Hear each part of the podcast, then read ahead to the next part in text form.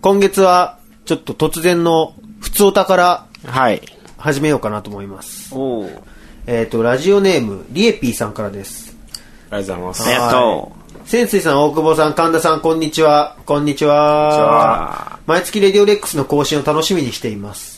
えー前回のフリートークスペシャル、すごい面白かったです。コーナーなくても楽しい。もうこれじゃあ、もうこのスタイルかな。う。だらだら喋るっていう ね。 2月にレディオレックスの存在を知ってから、第1回から今までの放送分全部聞きました。おもう何度も繰り返し聞いています。高校生の頃、ネプチューンのオールナイトニッポンスーパーにハマった以来、こんな面白いラジオ番組はないです。他には。 比較対象がネプチューンっていうねえーと、台湾の回とか多分10回以上聞いています。おお、すごい。そして夏に友達と台湾旅行することになりました。おー嬉しいねわー MC モニカの自由形は、学校にバイクで行ったら殺されて地獄に行ったけども、天国に行きたいっていう曲が特に大好きです。レディオレックス毎週あったらいいのにな。えっと、この番組を聞いて、今まで目を向けてなかった分野を知ってって、えっと、私の中の好きが広がりました。ケイクスだとかケトルっていう雑誌も、サブカルチャーっていう言葉も台湾も、村上春樹を読み始めたのもここからだしお、久々に図書館に通うようになりました。そこでまた新しい本に出会ったり、図書館の前の白爪草と三つ葉の葉っぱを見つけたり、好きなものが一つできると、そのつながりに何かを興味を持って、またそこから好きが増えていく。そうするとやりたいことや行きたい場所も増えていく。素敵な連鎖が起こります。レディオレックスは私の好きを連鎖させてくれる、今一番ホットな番組です。また、ジェネレーションレックスみたいなイベント、レディオレックス公開収録みたいな、なんかそんなイベントをしてください。あと、ライブの時の音源をかけていただけると嬉しいです。えっと、これからもずっと続けてください。毎月楽しみにしてます。レディオレックス大好きです。ということです。ありがとうありがとうこれは、嬉しいいや、ね。嬉しい ね。普通になんか今、おじさん3人が見てる何この気持ち悪いやう。ニヤニヤニヤニヤ。 つ。実はですね、僕ら全然気づかなかったんですけど、今回、何気に1年目なんですよね。ああ。 12回目そう。まあ、台湾スペシャルもあったけど、あれはね、月まあ2回そうだね配信分だからね。そう考える今と、回が12回目。多分12回目だと思うち。ょうどじゃあ1年とか。いや、よく続いたよ。よく続いたね。いや、でもね、それも一重にね、なんだかんだで、こう、レスポンスがあるおかげうなんだろうなとんうん。そうだ思うんだよね。ね。だって、さっきちょこっと話したけど、ん俺らだったら、こんなわけわかんないポッドキャスト、投稿なんかしねえよ怖えよっていう話をしてたんですよあ。ーありがたい話しですよ。そうになってもダメだって思う。こ こにしちゃ終わりだって。ってなるじゃん。いや、本当ありがとうございます。ね。なんかね、何気に本当1年間、ぐだぐだとやってきたけやどっ、てきたね。ね。何なんだこれ先には何があるんだろう ね。何があるんだころうれをね。続けてった未来に俺たちに何があるのか。続けることは大事って言いますけど、で何さがあるのかで。さ、普通のラジオ番組だとさ、結構スポンサーの問題とかさ、うんうんうんなんか視聴率の問題とかがあるからさ、あの、終わる時も分かりやすいじゃないですか。これもうちょっとお金にならないから、打ち切りましょうとか、人気がないから打ち切りましょう。俺たちの場合さ、何にもない じゃないもうさ、やめの気もないじゃん。動機がわかんないよ ね、確かに。これでもさ、多分さ、なんだろうね、56とかまでやってた らさ、それはそれですごいよね。すごいよね。 56回いや、56歳ぐらいまで ?56 歳。 いや、もうなんだかんだで20年目です よ。って言ってさ。すげえよね。でもこれからはどうですかレディオレックス。どうなんでしょうね、これが。どうなるんでしょうね、本当いや、まあみんなで今話してるのは、んなんか、うまいこと、これをなんか、なんていうの、産業に乗せたいって話をずっとしてるんだ そようだね。したまま1年だよね。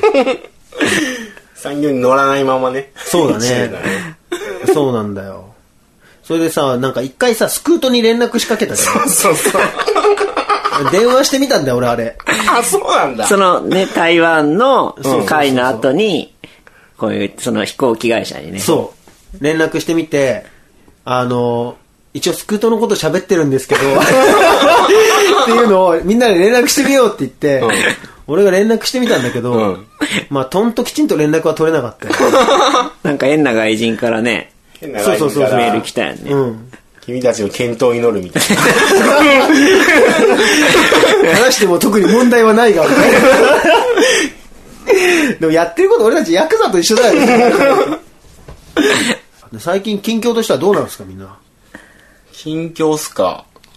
なんだろう。僕はず、ゴールデンウィーク帰ったりしてたけどね、大阪に。あ本当はい。でも基本的に取材で、ずっと、あの辺は、関西にいたね。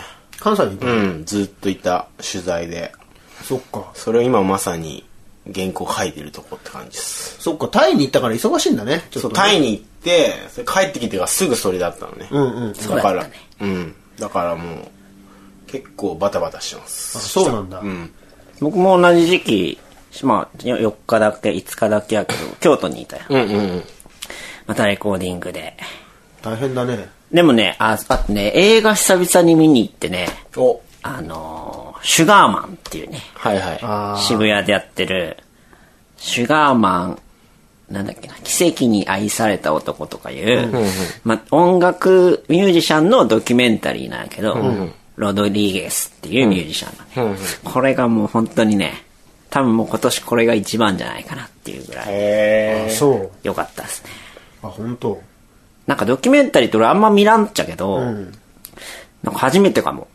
あんなに感動したのはうん。なんか普通に、あ の、なんやろ、フィクションって言われても、いいぐらいのなんかその物語で、はいはいはいはいかなんか奇跡的な。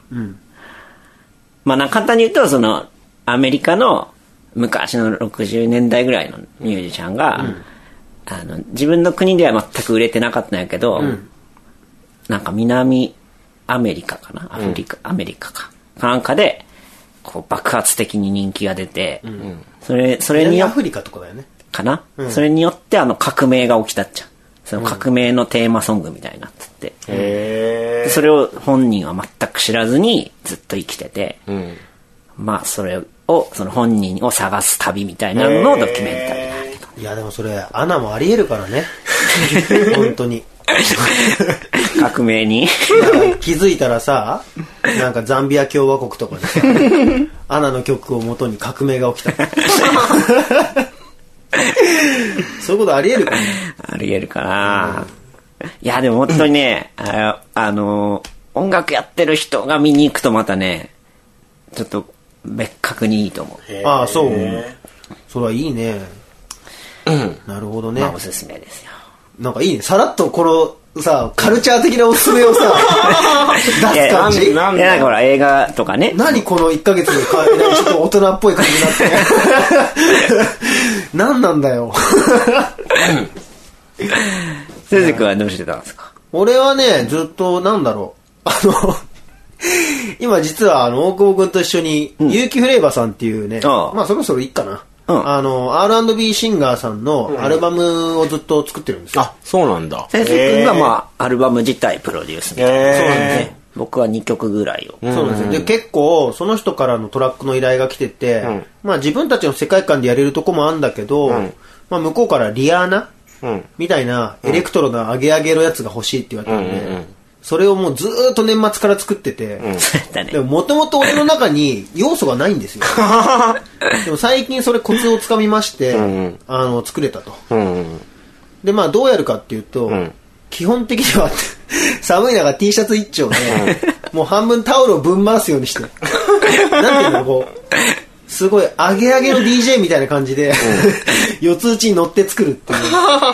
ないもんだからね、自分の中にもうそれで。もね、そうやったらできたもん。できたっていうできたんだ。そう、できた。できたけど、もう本当あれ、なんていうの鶴の恩返し状態っていうか、本当誰にもその姿は見せれない。 絶対この部屋開けんなよって感じ。めちゃめちゃヘッドバンキングしながらこうやってさ、もう、すごい感じだったね。あとはまあ漫画読んだりとか、うんうん。うん、そんな感じですね。じゃあ、いつもの通り、1年目の、はい。記念すべき12回目。はい、いきますか。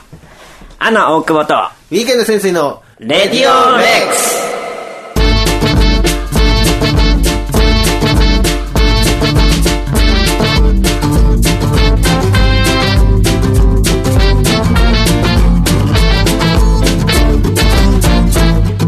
はい、というわけで改めまましてアナ奥保ですビッグエンドかっこかり潜水です。ライター神田です。はいははいい。なんかそうなんかそういうおすすめのとかないですか俺ね、漫画でね、はいあんまり知られてなくて、実は僕漫画すっごい好きなんですよ。ええ。漫画いっぱいあるもんね実は、うんあの、あんまり言わないんだけど、私結構こう、引きこもり癖というか、まあ漫画映あん画、まり言わないけど出てるけ どねにじみ出てるけどあの明く明るい引きこもりっていうかなんか意外に漫画とかさ映画とかさまあ音楽もそうなんだけど、うん実は結構マニアックに攻めてるんですよへえ。なんですけどまあ最近みあの好きな漫画家としては、うん笠部哲っていう人のあ、全く知らないわ。えそれ今の人そうなんだけどその「桃木屋」っていう漫画がうん。全然わかんない最高に面白かったです、何に乗ってるの何に載ってるか分か んないでしかもそれ俺漫画で買おうと思ったら、うんもう売ってなくて、うん去年一昨年ぐらいに出たやつなのに、うんだからしょうがないからあの初めてぐらい、うん電子書籍で買いましそうなんえだ。へえ。た結構ね電子書籍ねダメかと思ったんだけどね、うん。いけるいいねあ、そうなんだ。なんか漫画ぐらいなら全然いいね iPhone で見てたんだけど、うんー、へいいよなんかなんかね普通の漫画を持ち歩くのとはちょっと違う感覚にはなるけど、でも逆に言うとなんかいつでも読めるじゃないうんうんえ。それはもう最初からその書電子書籍なわけじゃなくじてゃなくてちゃんと本も出てる本も出てるうんなんだけど、そういうことになってて、なんか、すごい新鮮でしたね。うーん。電子書籍。その桃木屋はそのざっくり言うとどなんなんもう終わいかや、ざっくりとね、なんかね、こう、古道具屋さんの、うん。えっと、メルヘンコメディみたいな感じなんだよ。うんうんうん。えなんだけどもう終わってんのう終わってる終わってる。全2巻で終わり。あそうなんやうん。なんだけど、なんかね、ほのぼのしてて新鮮だったね。そうそうそう。へーなんかこう、ちょっと要所要所が独特の感性で、 1話完結割と1話完結、へーたまに2話続きとかがあったかな、とかなんだけどなんだろうねなんなんつうとかなその俺あんま漫画読まんけんさなんとも言えんけどさ、うんそのジャンルっていうかさいやもう本当メルヘンコメディ だよもう主人主人公はな誰だ主人公の子がえっとヤギの、ヤギになっちゃう仮面っていうのを古道ふ不思議な古道具屋さんなんていうの道具をち集ょめってるとじゃあ、あのー、藤子不二雄みたいなあそう感そうじ。そうそううんえー少し不思議な感じなんだけど、うんうんうん。だから主人公がいきなりこうなんていうの半獣半人になっちゃうやヤギ男みたいになっちゃうんだけどそこから始まる人これ大丈夫かなこんな 話でこれみんな興味ちゃんと持ってる俺ねいつの頃からかねこう好きなものを人に話すのがすごい苦手になったのよえ、なんで多分ね音楽のせい音楽。あのさ音楽ってさ、うんある一定のマニアックなとこまでってさ、うん人に自慢できるわけようんうん。例えばなんだけど高校生の時に、うん。ヒットチャートのうん20位30位ぐらいのところをうん。知ってたり持ってたりするとちょっと人気になったりするわけうんみんなそんなに買わないうん。うんしなんとなくかっこいいなみたいうん。う。なんぐらいの人たちのを持ってるとかさスピッツをちょっと青互いしてるみたいはないはうん。それぐらいだとさいいわモけテるよね。うんそうなのよなんだけどある時からなんかこうレゲエのあれがいいよね ことになってももう誰も興味持ってくれなくなっちゃうわけそれねわかる、すごい。 何なんだろうな、あの瞬間。あれがね、あれからかな、俺が人と音楽の話をした。なんか普通のさ、普通に暮らしてるって言っちゃうとなんか別に特別に暮らし方してるわけじゃないけど、い。うん。普通の人とのなんか会話が音楽でできなくなった瞬間っていうのがあるんだよね。多分はいはいはいは大学生ぐらいでさ、そそうだれねぐらいまでってさ、結構その、大学生にしてもさ、音楽好きのコミュニティにいるからい。さ、うんうん。結構こう話してても、うんなんかこうあよく知ってるなみたいなのとかさ、うんうん。あの下からするとちょっとなんかいろいろ知ってる先輩みたいになったりするんだけど、うんうん社会人になってからはさそのスキル全く生きないじゃそうなんだよね。んそうなのわよか るそれ。でもライターとかもそうじゃないその自分のやった仕事を自慢できる人ってさ、ん割と限られているやも限らうれてる全然限られてるよ。もうでしょ俺なんてもう全然。もうそれはね本、当分かってもらえないですよ。誰にも。そんなことはね えけど、本当限られた人には響くけども、そうだよね一般の人には何をやってるか分かんない人っていうそうだよ感じだねよ。。なんなのそれってさ、どうにかなるもんなのいや、どう、テレビ出るしかないのかな。 え、な、だから神田はどこ行こうとしてる情熱大陸とか出るしかないのかな。 神田くんのドキュメンタリーとか絶対放送できないから。 枠が違うから。MX テレビだから。そうなっちゃうよね。でもさ、リアルに5時に夢中とかのコメンテーターとかいけんじゃないああの辺はね、そうだよね。編集者とか結構いるもんいね。るもんね。うん。ああいう方向なんじゃないああいう MX か MX いいじゃん。 MX だとまたそのやっぱ、ね、限られた人じゃん。うん、結局は。 すげえ高望み してる。出る、どうせ出るなら民放がいいって。どうせ出るなら民放がいいな。やっぱ親がちゃんとね、見れるやつ。見れるやつがいい。そっか。なるほどね。アナってテレビ出演はないのうちらもね、民放は、ないかもな。うん。あ何本のなのあ地の、方のいや、なんつうとああいう、スペシャとか。あそういうのは、それこそ番組も M1 でやってたし、あ、そっか。そう、5分ぐらいのね、番組をね、帯番組みたいな感じ。あのね、つん月1ぐらいで、うんまあ、あの、再放送とかあったけんね、毎週やりよったんやけど、それをね、M1 で昔ね、1年間ぐらいやってましたよ。あ、そうなんだ。なんかの番組の一枠で、うんうん。最初3分ぐらいもらってたんやけど、勝手にその編集者と仲良くなって、徐々に伸ばして って、最終的に10分ぐらいのコーナーにして、その金で、なんかいろいろあの、ヒサロ行った り、なんかこう、野外フェスの時に、あの、勝手にあの、旅館取って、そこでなんか宴会した り、ライブハウスにベンツで入るとか、もう勝手にことやりまくりよったら、なんか最終的に怒られて終わった。ああ、それいいね。えーテレビね。曲穴っていう番組でね、YouTube とか探したらあるかもしれない。あ、ほんと。なんか俺たちもそのうちテレビレックスやりたいね。やりたいね、テレ特番でね。テレビ局番だ よね何をや、 深何夜を特急番にね。。深夜 特番。放送休止枠みたいなの買ってね。あいいねうん使って。神田大陸。なんだ 大陸。神田大陸、ほんとアジアの旅とかを全部お届けしたいよ。神田大陸とあの、なんっけ、アナザースカイみたいなね。 そうそう、アナザースカイみたいな。高城剛 が語るみたいな。バルセロナ行っていいや。やばいね。そっか、じゃあちょっと、あれだね。10年後ぐらいの目標としては、うんやっぱ民放の空いた枠を買い取って、そうだね。テレビレックス。いやそこを目指してうん、頑張っていこうよ。そうだね。こ頑張のろ番う。組が。そうだね、目標が一個見えて。見えたね。うん。でも実際さ、あれだね。テレビレックスに行くまでの間全く見えてないよね。もう次のステップがないもんね。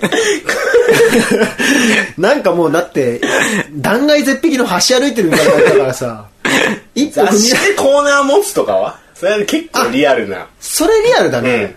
それいいそね。れだったら、何度か僕も協力できそうだし。そうだね。じゃあまず紙、紙だね。紙に何かしらこのレディオレックスの、この、なんかね、フォーマットを持っていくっていうの。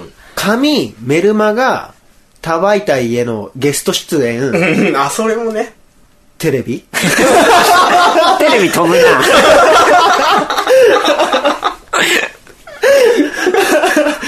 なんだろうね。あれからやっぱそのパブリシティみたいなところに訴えかけていったら、んもうちょっとなんか跳ねるのかな。そうだね。 あとはもう事件を起こすしかない。そうだね。それはあるかもね。なんか仕掛けるしかないな。それはあるかもねって言った瞬間に、俺と大久保くんが完全に神田くんに期待してる。 神田くんなんか、 捕まったりすれ ば、神田容疑者が やっていた番組みたい今なら聞けますみたいな。いくらでもみたいな。な。それに期待しつつ。そうだね。じゃあそんな感じでやっていこう。はい。 じゃあそんなわけで、じゃあなんか大久保くん。うん。あ、えっとね、先月とかもうかけ忘れたんやけど、あのーいつだっけな。3月、3月に、ちょっと前ですけど、パノラマファミリーと、アナ大久保で、えっと、あマれだキねシあの4ー、曲入りの EP を、ごめちゃんのアルバムが出た直後ぐらいにうん、直前かな。直前かフリーで、フリーダウンロードで出してたんですけど、まだここでかけてないんで、見てください。パノラマファミリーと大久保で、ベイビースロー。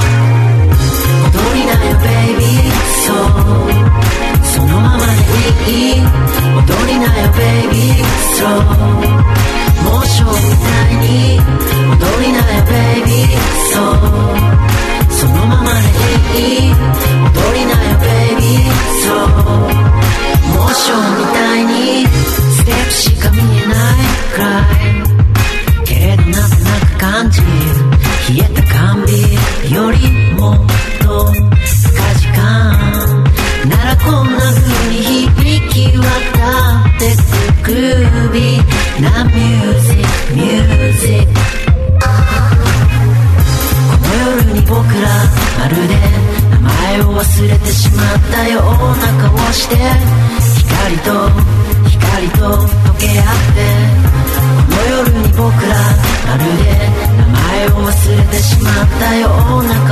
して光と溶け合って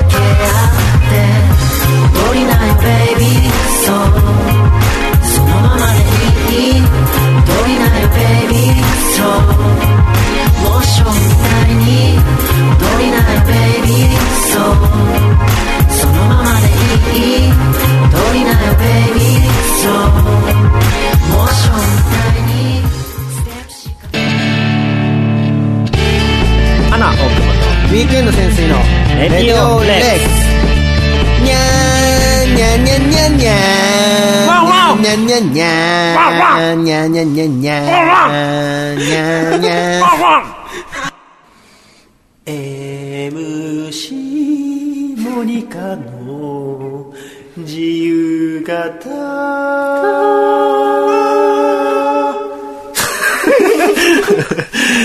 ということで MC モニカの自由形あもう帰ってきたりしてもいいよね今回からなんか、その一回なかっただけやけど、この、なんか絶望 感。待ってましたみたいなさ。でねちなみに今回ねすごいですあー。やっぱ1ヶ月充電期間があったからなのか、俺朝一ファイル送ってきた時に、アカペラ聞いて俺一人でね 一人で家で爆笑しちゃったから、ね、なんだこいつと思って じゃあ期待してください、はいえっ、と MC モニカの自由形今回11回目かなそうだね1回少ないので、うんじゃあ11回目ですようええ今日は俺のダチを紹介するぜ聞いてくれこいつが MC ピーターだ The ninjas on this, check the new phenom. An anonymous outrage, fuck it, you bring it on. そうこいつは南米から急に来たんだ2日ぐらい使って船で We promote being out of your face, so have a drink on us, fuck it, let's get wasted. 手作りのイカダでいきなり来たから嵐に飲まれてかなりヤバかったらしいぞ I'm like a jigsaw, chopping the competition to bits. Surprise, I'm that perfect piece of puzzle that fits. へへわかるぜその感じかなりヤバい後悔だったってんだろ One last rule that you need to know. Party hard like it's the last party that you'll ever know. それはある種の後悔だってはい笑わせるぜこいつはアメリカンジョークが効いてるなさあみんなに紹 I'm 介して expressing や to れ everyone that I meet through the beats and the infectious have fucking unique way that I speak. まあ急ぐなよまあみんな分かってくれるか話聞いてくれるやつらばっかだから For those of you who get it, check it, living this life. Live shows, DIY styles every night. NMSB, bring it tight without all the hype. Just a crew of ill bandits killing the mic. うん分かったまずはなんだ寒いからあったかいスープをくれってかじゃあちょっと待ってくれクノール入れてくれそ I got lines like busy bumping round in my headspace. Lines getting me dizzy like an actual head case. What about that? Got a home right here, makes sense to me. In this big bad BCD NYC. Hop the board, a plane, and cross the seas to kill shows in this covert DIY scene. それよりもまずは甘いパン Remember がいい back in the days when it was acetate, Technics 1210, Mark 2s, and dub plates. いや分かった、まあ、話聞けよまず分かったからうんまずはじゃあ甘いパンを食べた後にあったかいスープが飲みたいってことだよなそうそれでいいんだよな分かったんだよな Gonna party like red light Amsterdam, like waking up in the morning and I don't know where I am. それは面白いなそうこいつなんか実家がいきなりハンバーガー屋になってたらしいんだよでもそのハンバーグが全部その使ってる肉が普通の牛肉じゃなくて全 Damage く違う patrol, out of control. Hold tight, this ride right here set to explode. あなんだ何急に話また変わったけどうんじゃさっきの牛肉の話はもういいんだなあうん何こいつの親父がかなり千手観音が好きらしくてさ Nasty ass girls wanna know my name. Well, I guess I just come with the price of い fame. やその分かったからでちょっとまずはさこれが先に説明するから通訳するからまずはこいつはハンバーガーの肉を使ってるのが普通の牛肉じゃなくてっていう話の次千手観音が好きだからその千手観音のことを調べてる間にいつの間にか船を作ってたっていうそうい We うさ get weird, we get loose, we get stupid. Push play on the tape deck and just loop it. Push the meters in the red, man, do it. Calibrating your true means to pursue it. うん、でそんなそれはいいんだよそれはいいんだけどよまずはお前の姉ちゃんの話の前にお前自体が何なのか分かられてねえからな分かったかそうじゃ俺がちゃんと説明するからよ説 Problematic when I hit automatic, it's like go time. Girls, lights, camera, showtime. ショータイムショータイムショーそうあ俺たちはショーをするんださあ行こ We うぜ going in like there's nothing to lose, nothing to prove. It's all about positive mental ああ attitude. そう It's like nothing else on this earth that you'll ever see. Batshit, lunatic kids building the scene from the ground up. We coming up. Fuck your dreams. Fuck your life. We あ title あ art もう and すごいなお前 tight jeans. 勢いがすごいよでもこいつがピーターだみんな長くしてやってくれはい、というわけで、12回目でした。どうでしたピータなんか 新しい手法に出てきたね。ー。いこれはやばいね。。超えてきたね、これ。今、俺たちはもう絶句してるよね。なんかもうほんとネタみたいになってきたよね、漫才師とかの。 だって、今回はもう本気でラップしてないやん。発想のみだよね。いやー、これすごいよ、大家くん。モニカさんね。あーこれなんだろう、これみんなもう疲れちゃったよ。いや、でもね、素晴らしかった。素晴らしかったね。いや、今回は結構俺は、これファイル送られてきた時に、ちょっと若干脱帽して、あ、俺はモニカを舐めてたなと。 またなんか、すごい中途半端な感じでお茶を濁してくんのかなと思ったら、かなりひねり出してきたなと思って。ね。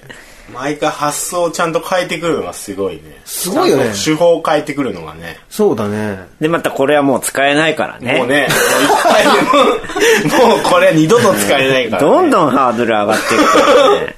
これでも人数増えてきたら笑うけどね。最終的にサンプリングコラージュみたいになっちゃった。 いや、でもすごかったよね。ピーター。ピーターか。いや、な、 結構でもね、これね、あのーリスナーとして聞いてたら幸せだと思うよ。 いやそうだね。そうだよね。毎週楽しみにしてる人からしたらそうだよ、すごいも毎、そうだよ、毎回このなんか、クオ超えリティてでくる感そうそうそうとか、すげえ幸せだと思うよ、本当に。そうだよねうん。やっぱこのコーナーがなんだかんだで一番人気な理由はわかるよね。いや、俺久々親子会いたいわ。久々音声以外で会いたいわ。っていう感じで、じゃあ、MC モニカの自由形、 12回でした。アナを BK の先生のレディオレッスいやーちょっと待ってちょっとこれたどりを聞かないごめん僕の好きな街はい、今回は単純に好きな街、苦手な街について語ろうという企画です。はいはいまあシンプルですよね。はいでもまあ街特集なんで、なんか、どうすか好きな街とか感覚はないの僕はねこれちょっといきなり盛り上がるかもしれないけど僕はやっぱね東京出てきてからやっぱ高円寺の街にすげえ見せられたのね中央線見せられた。 見せられ中た。央線がとにかく居心地が良くて、うん。で俺一回下北に引っ越したのよあ、うんうんうん。でも3ヶ月で合わなくて肌があそうまた高円寺に戻ったのねあ先そう生君はさ世田谷がいいじゃんそうだね。うんで中央線苦手って言ってるじゃんあのね、違うのよ。あちそれまた違うんだあのね、それ理由があって、うん俺、中央線に住んだら中央線の人になっちゃうの。あ そうな んだブレーキかけてんだそうそうそう。ああそこを多分住んだら、俺に120%フィットしちゃう気がする。 で、そうなっちゃったら、多分俺もう本当にさ、あの、まあ、いわゆる中央線系アーティストみたいなのいるじゃない、うんいいねちょっと民族っぽい衣装に身を包 み、無限堂に足しげく通うみたいな。その感じに多分なっちゃう気がして知り合いのギて。ャラリーで個展してねそうそうそう。それが怖 い。なんかそれでいいやって思っちゃったら、なんかもうそういう人になっちゃう気がするから。そうだねそれが怖いんだよね。そうか俺も苦手やもんな苦手中央線うん中央線とか、京都の左京区とか左京区ダメなん だ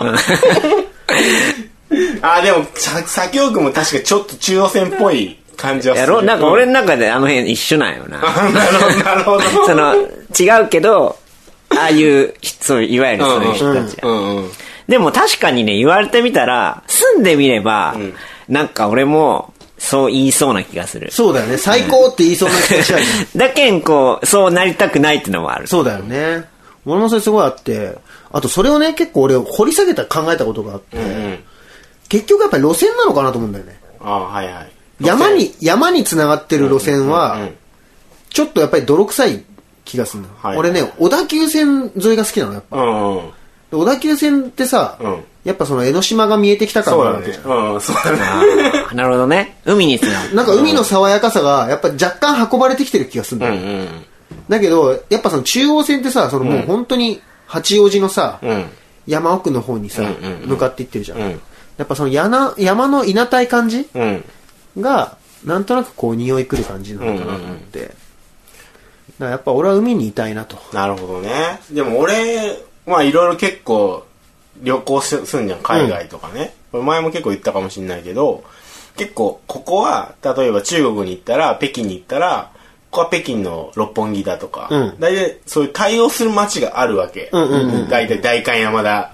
っぽいなはいはいはいはといかはい銀座っぽいなとか、うんうんうんでも中央線だけないのよやっぱ他の海外にああ、そ高円寺だっていうのはないんだよね。だから、本当特殊な街なんだなと思って、それで結構、確かにまあわかるけど、まあ、面白い街だもんなと思って。う。なるほどね。うんでもなんか高円寺までも行くと変だもんね。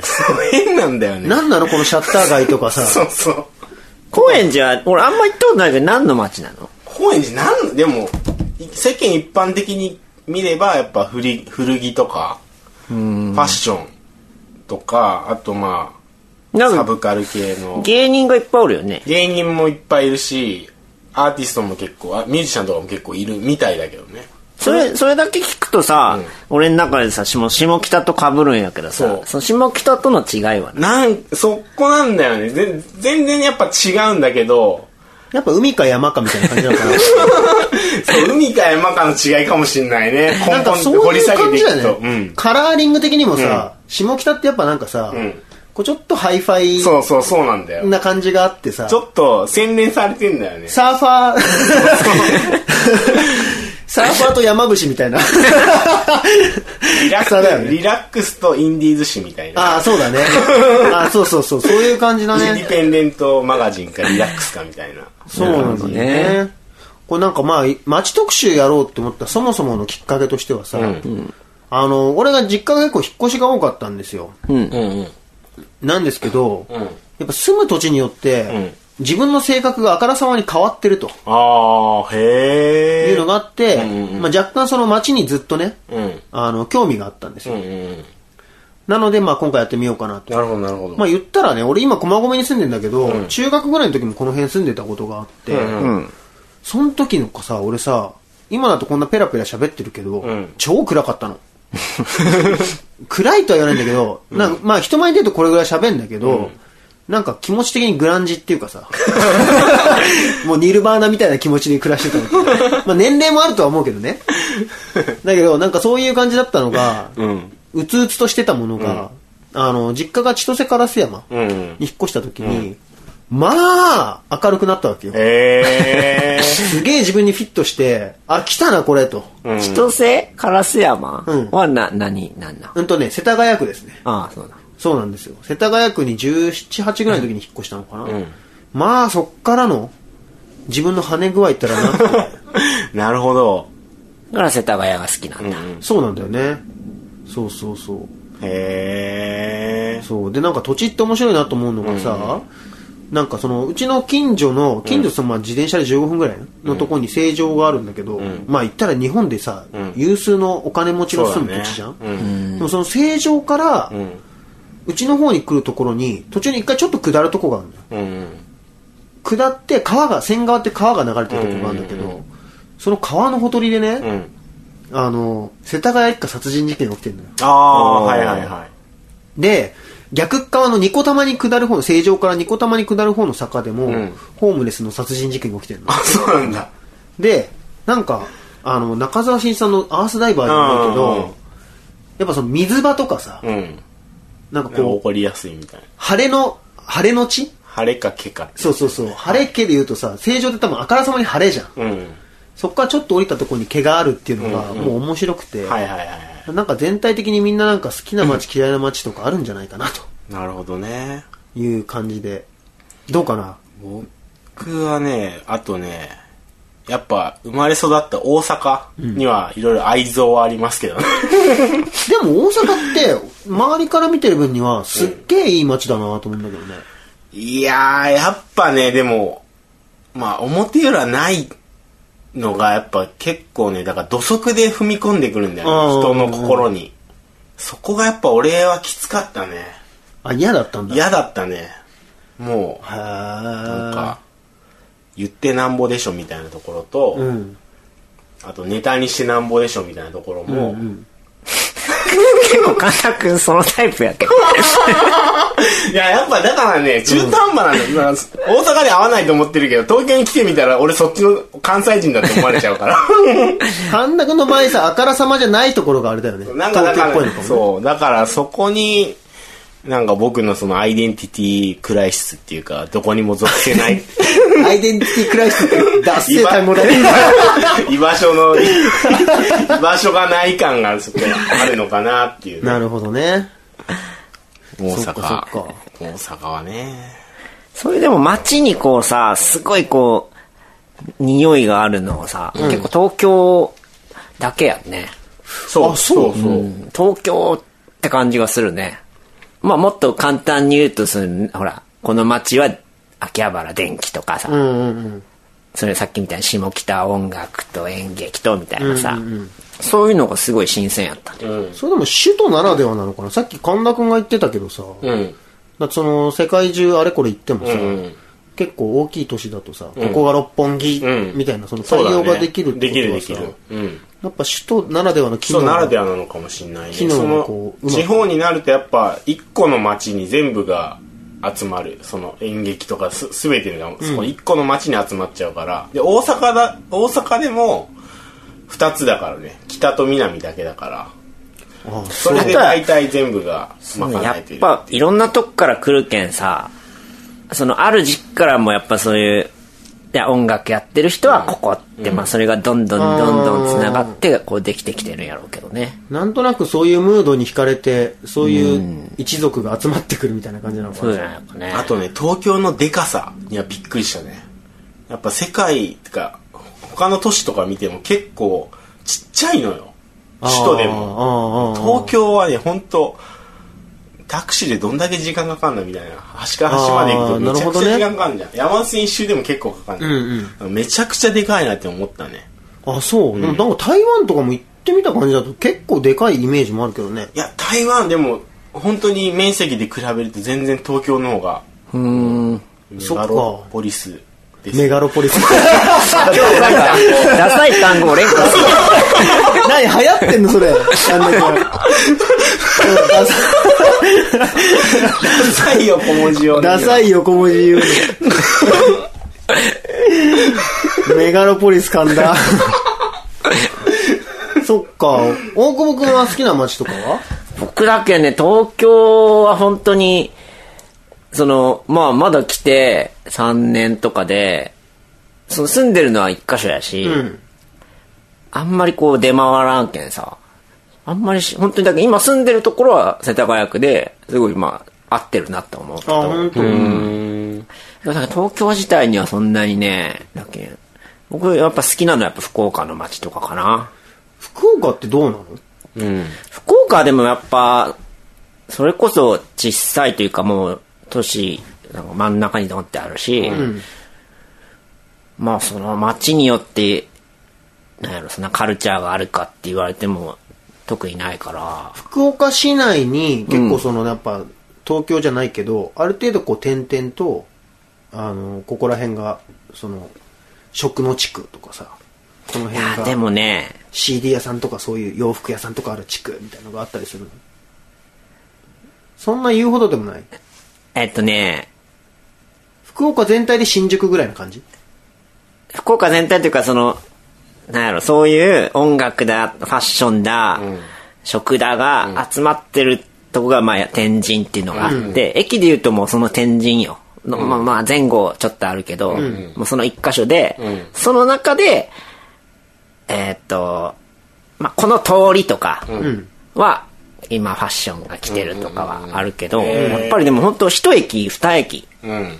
ああそうなんだ、ね、で、もう大体、まあで、時代、なんか時に、5年、6年ぐらい周期で、ちょっとずつこの、なんやろ、その、基本的にそのアパレルとかが、こう、出してく位置がこう、じょ徐々にずれてって、まあここが結構来てんだなっていうのはわかるけど、へー基本的にやっぱその福岡の天神っていうところがカルチャーはあそうなんだ発信地かな。でも俺はなんかやっぱ、ちょっと外れの、まあ実まあ実家があった笹栗っていうとこが、本当に、笹栗なんか定期的に押すよねいや、笹栗 はね、これぜひ行ってほしいんだよ ね。まあまあ本当に地元なんやけど、あれでしょでかい寝仏がいるんでしょああ、涅槃像っていうね。そうなんだ。俺はそのね、もう、福岡に友達来たら、もう俺が笹栗のために一日取ってもらって、笹栗観光をするんやけど、いざその友達帰って、笹栗っていうとこ行ってきたっつったら、何それみたいな。あそうでもね、あの、本当にね、あの、南蔵院っていうお寺があってね、うんうん俺はそのお寺界のディズニーランドって言ってるんやけど、 誰が俺が。お前初回っていうね俺の中の糸井重里が 言ってるんやけどね。いや、超楽しいお寺があるんよ。 あそうなるほどね結構お寺とかがあるところもさ好きな人は好きですよね、笹栗はしかもその、あの、88箇所巡りができるからね。あそうえあの、四国うん88箇所あるやうんうんん。あれを、実際にああいうのやるのってさ、おじいちゃんおばあちゃんや、が実際に四国回るのって結構無理があって、笹栗町で88個お寺作って、え88箇所巡でりもをその88箇所巡り意味あんのいや、でも、今、でも四国よりも、そっちの方が、その、なんつうの来る人は多いんよ。いや、だってさ、そもそも88箇所巡りってさ、その大変さ込みでなんかこう、悟りをね、よくわかんないけど。悟りとかを開くものでしょ。一日で回ってやった。もう さ、めちゃくちゃご面白めんかったいやいや、俺、笹栗に住んでる人いたらすいませんだけど。いや、でも結構、あの、本当に、あの、四国よりも今有名になってしまって、あ、そう。 そうそのじいちゃんばあちゃんの中では。そまあ、その中の88箇所目が南蔵院なんやけどね。お寺会の次が。もう住職会のミッキーがおるよ。今回のミッキー。まあそこもやし、温泉もあるしね。あ、そうなんだ。あ、そう。朝その温泉がいっちゃん。あ、本当。もう田舎のおじいちゃんみたいな。あと俺がよく行くね、カフェ、トーカってのがあってね。へまたこう山の中にん結構、それは本当ちょ結構おしゃれな。ー茶屋みたいな感じではないのじゃない、あの、知り合いのね、ミュージシャンがひ、あ、そう10年前ぐらいのオープンへーして、なんかいいね。俺、九州はいつか住んでみたいなと思うんだよな。いや、ちょっとね、一回うち実家泊まりでもいいけんね。来月行きたいもんだね。笹栗はね、案内したいよ。ね。いいなはいぁ。俺、天神もちゃんと行ったことはないんだよね。福岡には何回か行ってんだけど、その、ちゃんと回ったことはなくて。福岡なんか行ったらでも、あれじゃない神田君ナイトパトロール大変大変なんじゃないそう大変だねいろいろ芸人さんの噂とか聞くじゃない可愛い子多いですからね、福岡。やばいよね、ちょっと。あと女子と男子の比率が7対3って言われてるぐらいだから。え、女子の方が多いのうん、圧倒的に。へえ。俺、やっぱ福岡かなぁ。女子余りっていう言われてますよあ、。本当。でもさ、その土地でさ、男子余りになった瞬間にさ、もう絶望ったら なそうだね。そっか。なるほどね。じゃあみんなそれぞれ好きな土地、嫌いな土地があるってことあだるね。 まあ、俺はさっき言ったみたいに世田谷が好きなのと、んあと嫌いな土地としては今住んでる駒込 だね。あ、そうなんだ。そうだね。あ、そっかそっか。この駒込って土地はやっぱり歴史が割と古い町だから、うん。なんか結構、長く住んでる人が多いんですよ。で、結構、空き家が多いうんうん。町を歩いてると。ん要するに、さ、こう、死んじゃったりして、うんこの家が誰のものかっていうのが分からなくなってるようなはい家はっいはいていうのが結構多いイメージがあって、へで、なんかそういうドロドロした感じが怖い です。皆さんあんまり駒込はね、あの、近づかないように。というわけですね。はい。で今回結構長めのお便りが何通か来てるので、ちょっとだけあの選んでお読みいたしますー。はい。はい。えー、っと、ラジオネーム、府中日本世田谷。お、えー、っと、大久保さん、潜水さん、神田さん、こんにちは。こんにちは。は、現在、反童貞の府中日本世田谷と申します。 反童貞って何素人童 貞反同性みたいに。私の好きな街といえば丸の内です。最近東京駅のリニューアルで盛り上がっていますが、少し前までは休日は人があまりいないオフィス街で、歩いていると変な気持ちになったものです。えっ、と、先週行ったところ、人はとても増えていて、独特な感じは少なっていましたが、休日で人がいないであろうビル群を見るのはやっぱり特別でした。ぜひ行ってみてくださいね、ということで。丸の内か。丸の行っ内。たことないんじゃないかな。俺ね、ちょうど先々週ぐらい行ったのよ。へえ。なんかね、あの、東京駅に、うんあの、頑張れば自転車で行ける距離なので、うんうん。まあ行ってきたんですけど、いや、まあね、楽しかったよ。え、丸の内って何東京駅東京駅のあたりだね。あ、そうなんや。駅の丸の内口を出るビル群。そうそうそうそう。丸の内っていう駅はないの丸の内線はあるけど、丸の内って駅はないな。そうなんだ。 そう。で、まあ、東京駅のリニューアルで人すっごい増えてたけど、なんかこれ、ちょっとわかるのは、俺中学ぐらいの時にちょっと探検と称してさ、チャリでさ、丸の内とか行ったんだけどさ、あの辺さ、休日あんま人いなかったんだよね。なんかもう、もろオフィス街だからさ、土日ともなろうもんならさ、もうなんかこう、無人のビルが延々続いてるみたいなさ。あ、でもちょっと面白そうね。なんか、だからなんか結構自転車で漕いでると、あ、これもう家帰れないやつかもしれないと思って、なんかそういう気持ちになったのはなんとなく覚えてるけどな、へでもこの間行ったらね、なんかやっぱ東京駅リニューアルしちゃって、すっげえ人多かっったかなあ、そうなんだ。なんか切ってっていうさ、うんあの商業施設みたいなのができてて切って。うんへあの日本郵政社かあなんかがこうり中を改築しあてそうなんだ商業施設になっえ。てへえ。なんかおしゃれショップがいっぱい入ってた気がするなるほどね。なのでみんな行ってみたいんじゃないかな 丸の内あるのうちね。はい。次えーっと潜水さん大久保さん神田さんこんにちは、こんにちこはんにちはえーっとウエストと申しますはいいつも楽しく拝聴させていただいております前回のフリートークもとても面白かったですありがとうございあまりすがとうございます。僕の好きな町は和歌山県白浜町です、その名の通り真っ白な砂浜、しらうん白浜や、世界遺産にも登録された熊野古道が2本通っていたりと観光にもおすすめの町ですが、僕の特に好きな場所は動物園、水族館、遊園地が一体になったテーマパーク、南、ん南紀白浜アドベンチャーワールドです。あ。ああ、良さそう、それ。中関西では有名です。あ、そうなんだ。有名なのこれ南紀でいいんですか南紀白浜。あア、ドそベうンチャーなんですね。えっ、と、中でも世界三大珍獣で絶滅危惧種ともよ、えっ、と、されているジャイアントパンダは、中国を除いては世界一の飼育数だそうです。へえ。のんびりしていて、愛くるしくて、謎めいたあの動物に、僕は惹かれてしまいました。もちろんパンダ以外の動物たちとの触れ合いも素晴らしく、ゴールデンウィークや夏にだけ行われるナイトマリンライブは盛大に花火が打ち上げられ、光と音に包まれたイルカやクジラのショーは感類です。すごい広報マンみたい な。専門すごいね。なすごいランドの人なんだよ。トレーナーと動物たちの愛が溢れた空間は、心を穏やかに、穏やかに幸せな気持ちにしてくれます。笑いもなく長くなってしまいましたが、僕の好きな場所でした。穏やかで優しくて素敵なお三方も、もし心がすさんだ時は一度訪れてはいかがでしょうか。えっ、と、次回の配信も楽しみに待ってます。皆様のご活動も応援しています。ということで、ありがとうございます。ありがとうございます。いや、すごいね。従笑い業員でし ょ、これ。広告ならお金取りますよ。あー多分、多分、ウエスト君的には、すごい真剣に、あの、良さを伝えたくて送ってくれたんだろうけど、文章でもとやっぱもう本当は、なんて言うんだろうね。パンフレット。パンフレット。ああ、面白いこれ。これ結構関西では有名なポイン有ト名です。有名。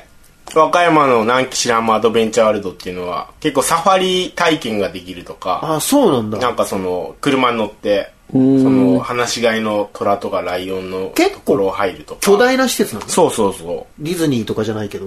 う。うん、もう一日楽しめるみたいな。そう。うん、全然巨大。あ、そう。え、俺も実は行ったことはないんだけどね。和歌山ってさ、うんあんまり俺さ、地理感がつかめてないんだけどもう場所さえ分かってない大わ。阪の下だね。大阪からもう南余裕で行けるぐらいな大の阪から余裕ではないけど、一応南海電車っていうのが通ってて、それに乗っていけば和歌山に行くっていう感じの。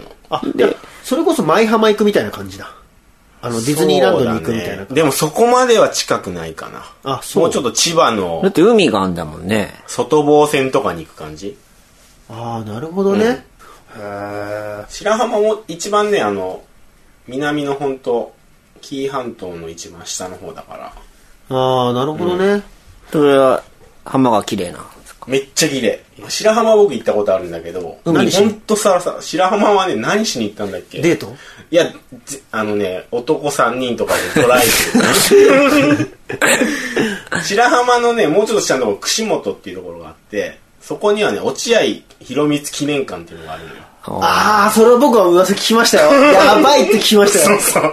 そこに行こうっていう話で、で、行ったのね。うん落合記念館に。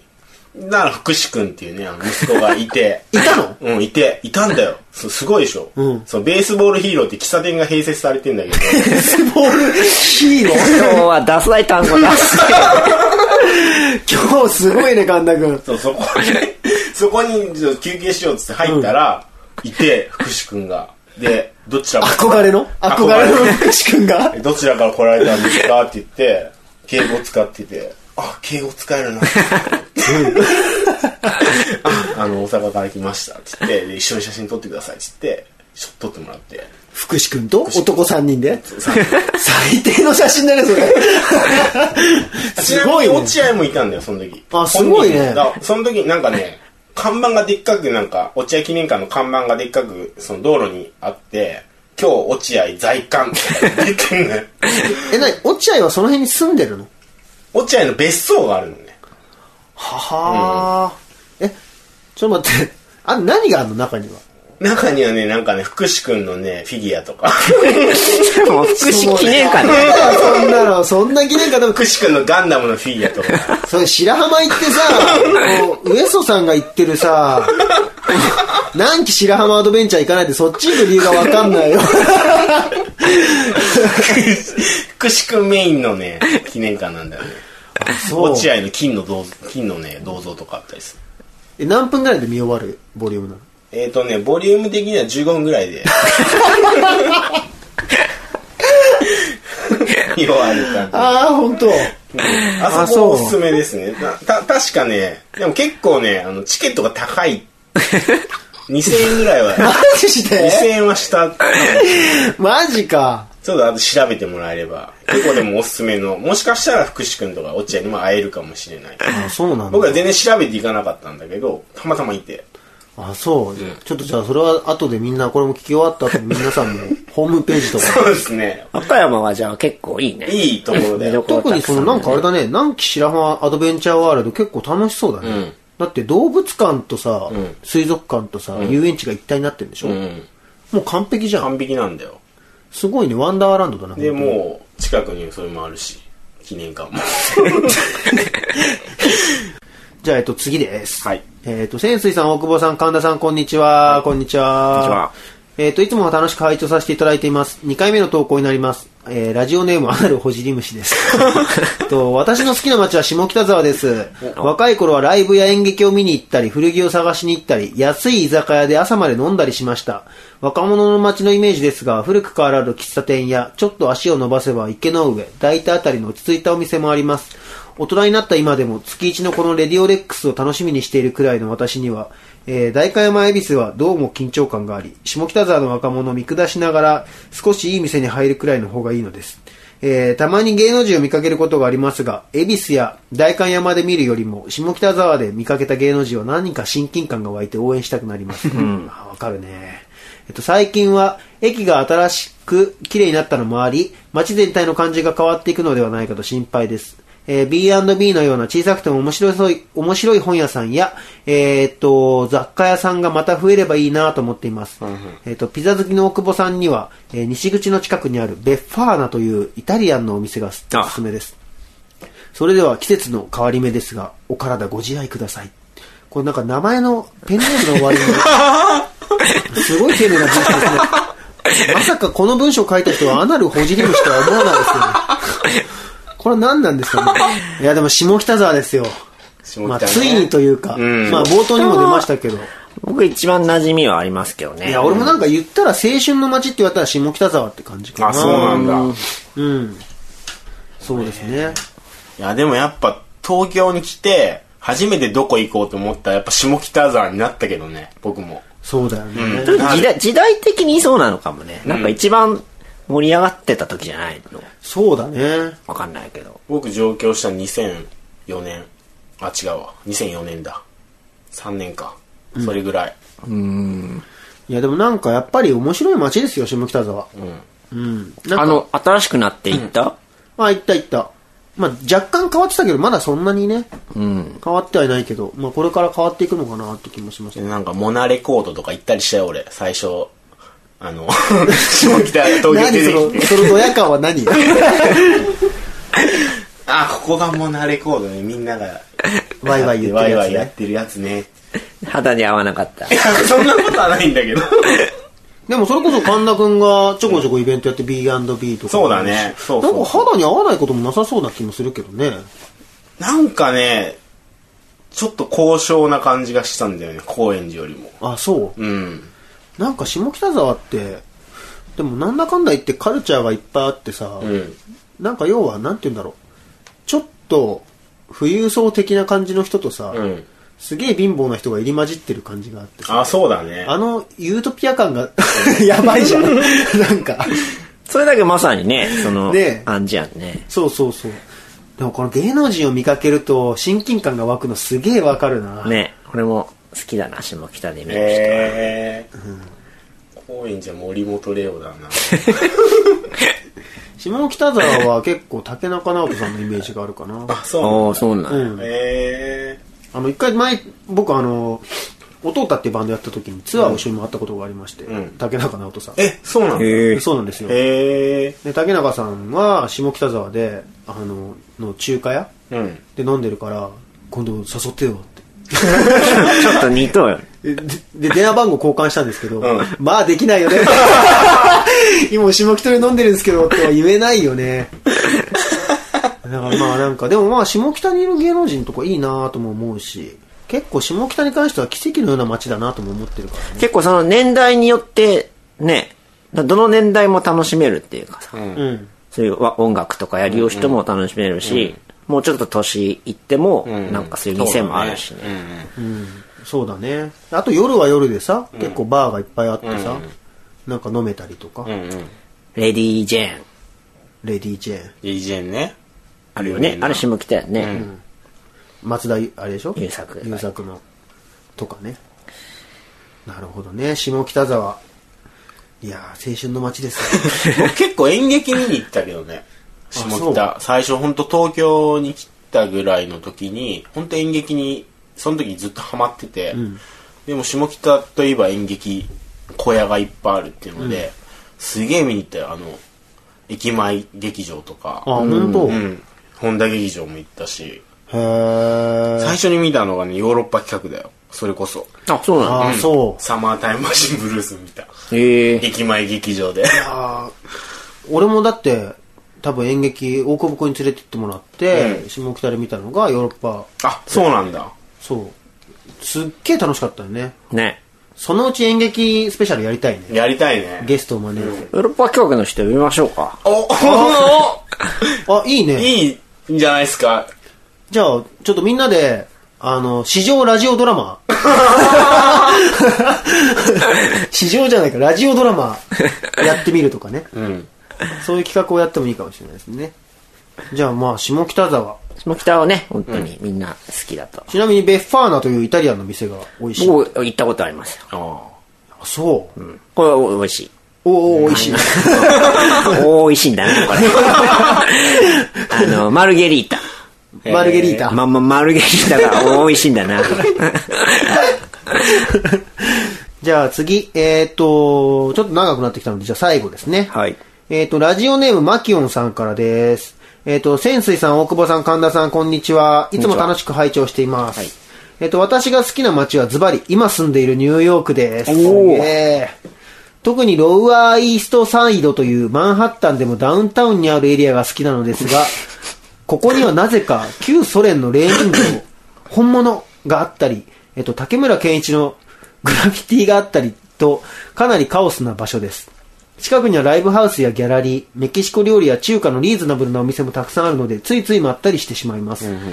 皆さんの好きな街でカオスな場所はありますか、えーまた、日本に戻ったら東京に住もうと思っているのですが、おすすめの場所があればおす教えてください。ということです。ありがとうございます。ありがとうございますニューヨークですよ。ニューニューヨーク住んでんだ。すごいね。ローワーイーストサイドのマンハッタンでもダウンタウンにあるエリもアう。全然位置感がわかんない。何にもわかんない。ダ何にもわウンかタんないウンっていうのがあったんだって思ったもん。そうだね。 あの、山下達郎的な方じゃないダウンタウン。そうだね。いや、でもなんだろうね。ニューヨークってやっぱ憧れの街だからね。うん。なんかこういうアートとかがあったりする街はいいなと思うけど。に東京に住むならどこがいいかね。ニューヨーク住んでた人が、ギロッポンそうなのかね。ニューヨーク見たことないからね。赤田君はニューヨーク行ったことない。ないない。ニューヨークっていつか行ってみたいけどさ、ん結構ハードル高いよね。ね。着てく服が見つかんねえもん。どういニューうヨーのクかわかんないんだよね。ねこのニューヨークになった途端、3人のこの、あたふた、あたふたした感え。何も浮かんでない何も浮かんでこない。何にも浮かんでこない感じね。じ。 ニューヨークのどこがおすすめって言ってるんですかその人ニューヨーク、うん、このローアーイーストの、イーストサイドというマンハッタンでもダウンタウンにあるエリ ア。まあでもなんか要は、でも、あのーアートみたいなのがあったりとか、その霊人像が突然あったりとか、ちょっとカオスな土地なんだけど、ライブハウスとかギャラリーとか、あとは多国籍な料理。 それもやっぱ高円寺じゃないですか。ああ、でもそうなのかな それこそ意外にさ、あれなんじゃないのそういうさ、ニューヨークのさ、ダウンタウンみたいなとこ行ったら、高円寺に近いバイブス感じれるんじゃ ないそうかね。それこそだからこの、この人が言ってるとこ行ったら、うんうん初めて、あ、ここは東京でいう高円寺だねって。かもね。ニューヨーク行ってここ高円寺だねって言ってるやつ嫌やけど。 あすごいね。でもニュ、そうだね。日本に来て住むんだったら、まあリアルに言うと、俺はやっぱり小田急線沿いがいいと思うけど ななんか、個人的にはね、なんか明るい気持ちで暮らせますよ。やっぱり。どのあたりニューヨークに似てそうな街。それこそ丸の内とか、ああ、かもね。あの辺のね、そういうビル群とかね、それでも摩天楼館だけでしょ。摩天楼かな 本当に摩し天か楼もだってこの人が多分その、ローねダウンタウンだから下町ってこと足立区とか、足立区霊人像が。 足立区霊人像ってやばいね。 そっか。なんだろうね、ロ東シア京のおすすめ。うちの1階街というか、うちでもいいですけ どね。シェアハウス的な感じでね。というわけで、まあ、僕の好きな街ということでした。はい花大久保と、ウィーケンド先生のレディオレックス保安官にあげるよはい、ということでお送りしてきました、レディオレックス。はい。 12回目。ちょうど1年目の。そうですね。次回がでもまあ、1周年記念になる記のかな念スペシャルに。スペシャルにはい。 スペシャルさん別に大してなんか なんもないですけどね。まあで、次回の企画なんですけども、はいまあ冒頭にもちょこっと話した、夏ぐらいについに、うん。あの、公開収録というか、うん公開でやろうかとおういう話が出てまして、うん。えっ、と、公開収録でやってほしい企画を次回は考えようと思ってます。おーなので皆さん、考えて送ってください。 お願いします。まあ収録になるかわからんけど、何かそしうだらイベントを収録はしないかもしれないけど、まあちょっと、イベントやろうと。 3人で。 3人でやろうという話になってるのでただまあさこれさ実際イベントやってさ、ん二2人とかしか来なかっいや、でもありえますからね。たら ありえるからね、はい。全然ありえます。 2人来たらまだいいって感じだよ ね3人で喋って帰ったとかだったらもうほんと切ない話だ中屋よね談義みたいな感じにな ります。そうだよねだってそもそもこのさ、んポッドキャストってさ誰に言われたわけでもなくささして需要があるわけでもなく さ延々と続けてるわけじゃないそうだね。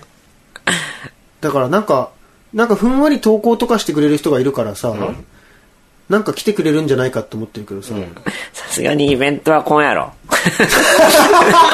投稿はしたものの。顔は見せたくねハードルが上がってしまうんだ ね。 え。そうか。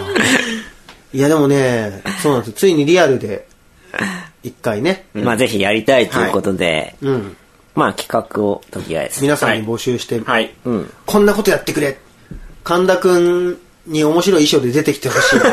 こういうのやってくれたら行くよってやつをね。そうそうそう。ああ、なるほどね。了解です。そうだよ。そもそもこれに全然投稿来なかったらどうしようね。中止ですもうそしたらもう、ないよね。ね。ない。それないんで、もうそこはもう頑張って皆さん送ってもらえればと。そうだね。んそっかこ。れの反応を見て決めよ。。そうだね。そうだね。じゃあそんなわけで、はいえーっと、俺たちのイベントを考えてくれということで、はいうはい。次回はそれを。募集しております。はい。なんか告知等々あれば。告知、僕はね、一個だけいいですかね。はいえーっ、とね、ちょうど街とも絡むんですけど、今日、今日というか、えー、高円寺のウェブマガジンが、えーっ、とね、オープンしまして、それに僕は連載をしておりまして、高円寺のウェブマガジン、うん。その地域の、そう、高円寺のポータルサイトというか、高円寺のカルチャー情報をいっぱい集めた、ポータルサイトを作ろうっていうので、コンセントっていう名前なんですけど、そこに僕が、えー、高円寺シューゲイザーという連 載を始めまして、あいい ね。このね、レックスからいただいたシューゲイザーって単語をもらいまして、高円寺でシューゲイザー高円寺のことをエッセイで語っておりますんで、えーぜひともそう。はーい。じゃあちなみに大久保くんはえーっとですね、僕は、えーアナがですね、はいえー6月の16日に、また久々に福岡でライブをやりますので、あ、本当何曜日えー日曜日ですね。あ、そう。はいねまた、で、この後しばらく僕実家にいるんで、えー遊べる人は遊びましょう。なるほど。俺も一緒にじゃあ福岡行こうか な。寺行こくこね寺、そうだね。行ってもいいかもね、福いい岡で。すよ。なるほどね。はい。はい。いやー、まあ、一年ですよ。一年ですね。これからもよろしくお願いしますですよ。だいぶ喋りに慣れたよね。そうだね。そうだちょっと久々に1回目とか聞いてみたら、だいぶ成長しとるかもし れんね。なるほど、なるほど。それを成長と捉えるか そうさいわゆるなんかプレゼンとかの さ喋りが上手くなったのはあれだけどさこのダ話の俺1回目とこの間久々聞いたらめっちゃなまっとったけんね。あ本当、今だいぶ標準語になって都。会の男になってきちゃった、うん。そっかそっかということで、はい。今月もありがとうございました。ありがとうございますた来月から、えー、2週目。よろしくお願いしまお願す。いしますじ。ゃあ、お疲れっす。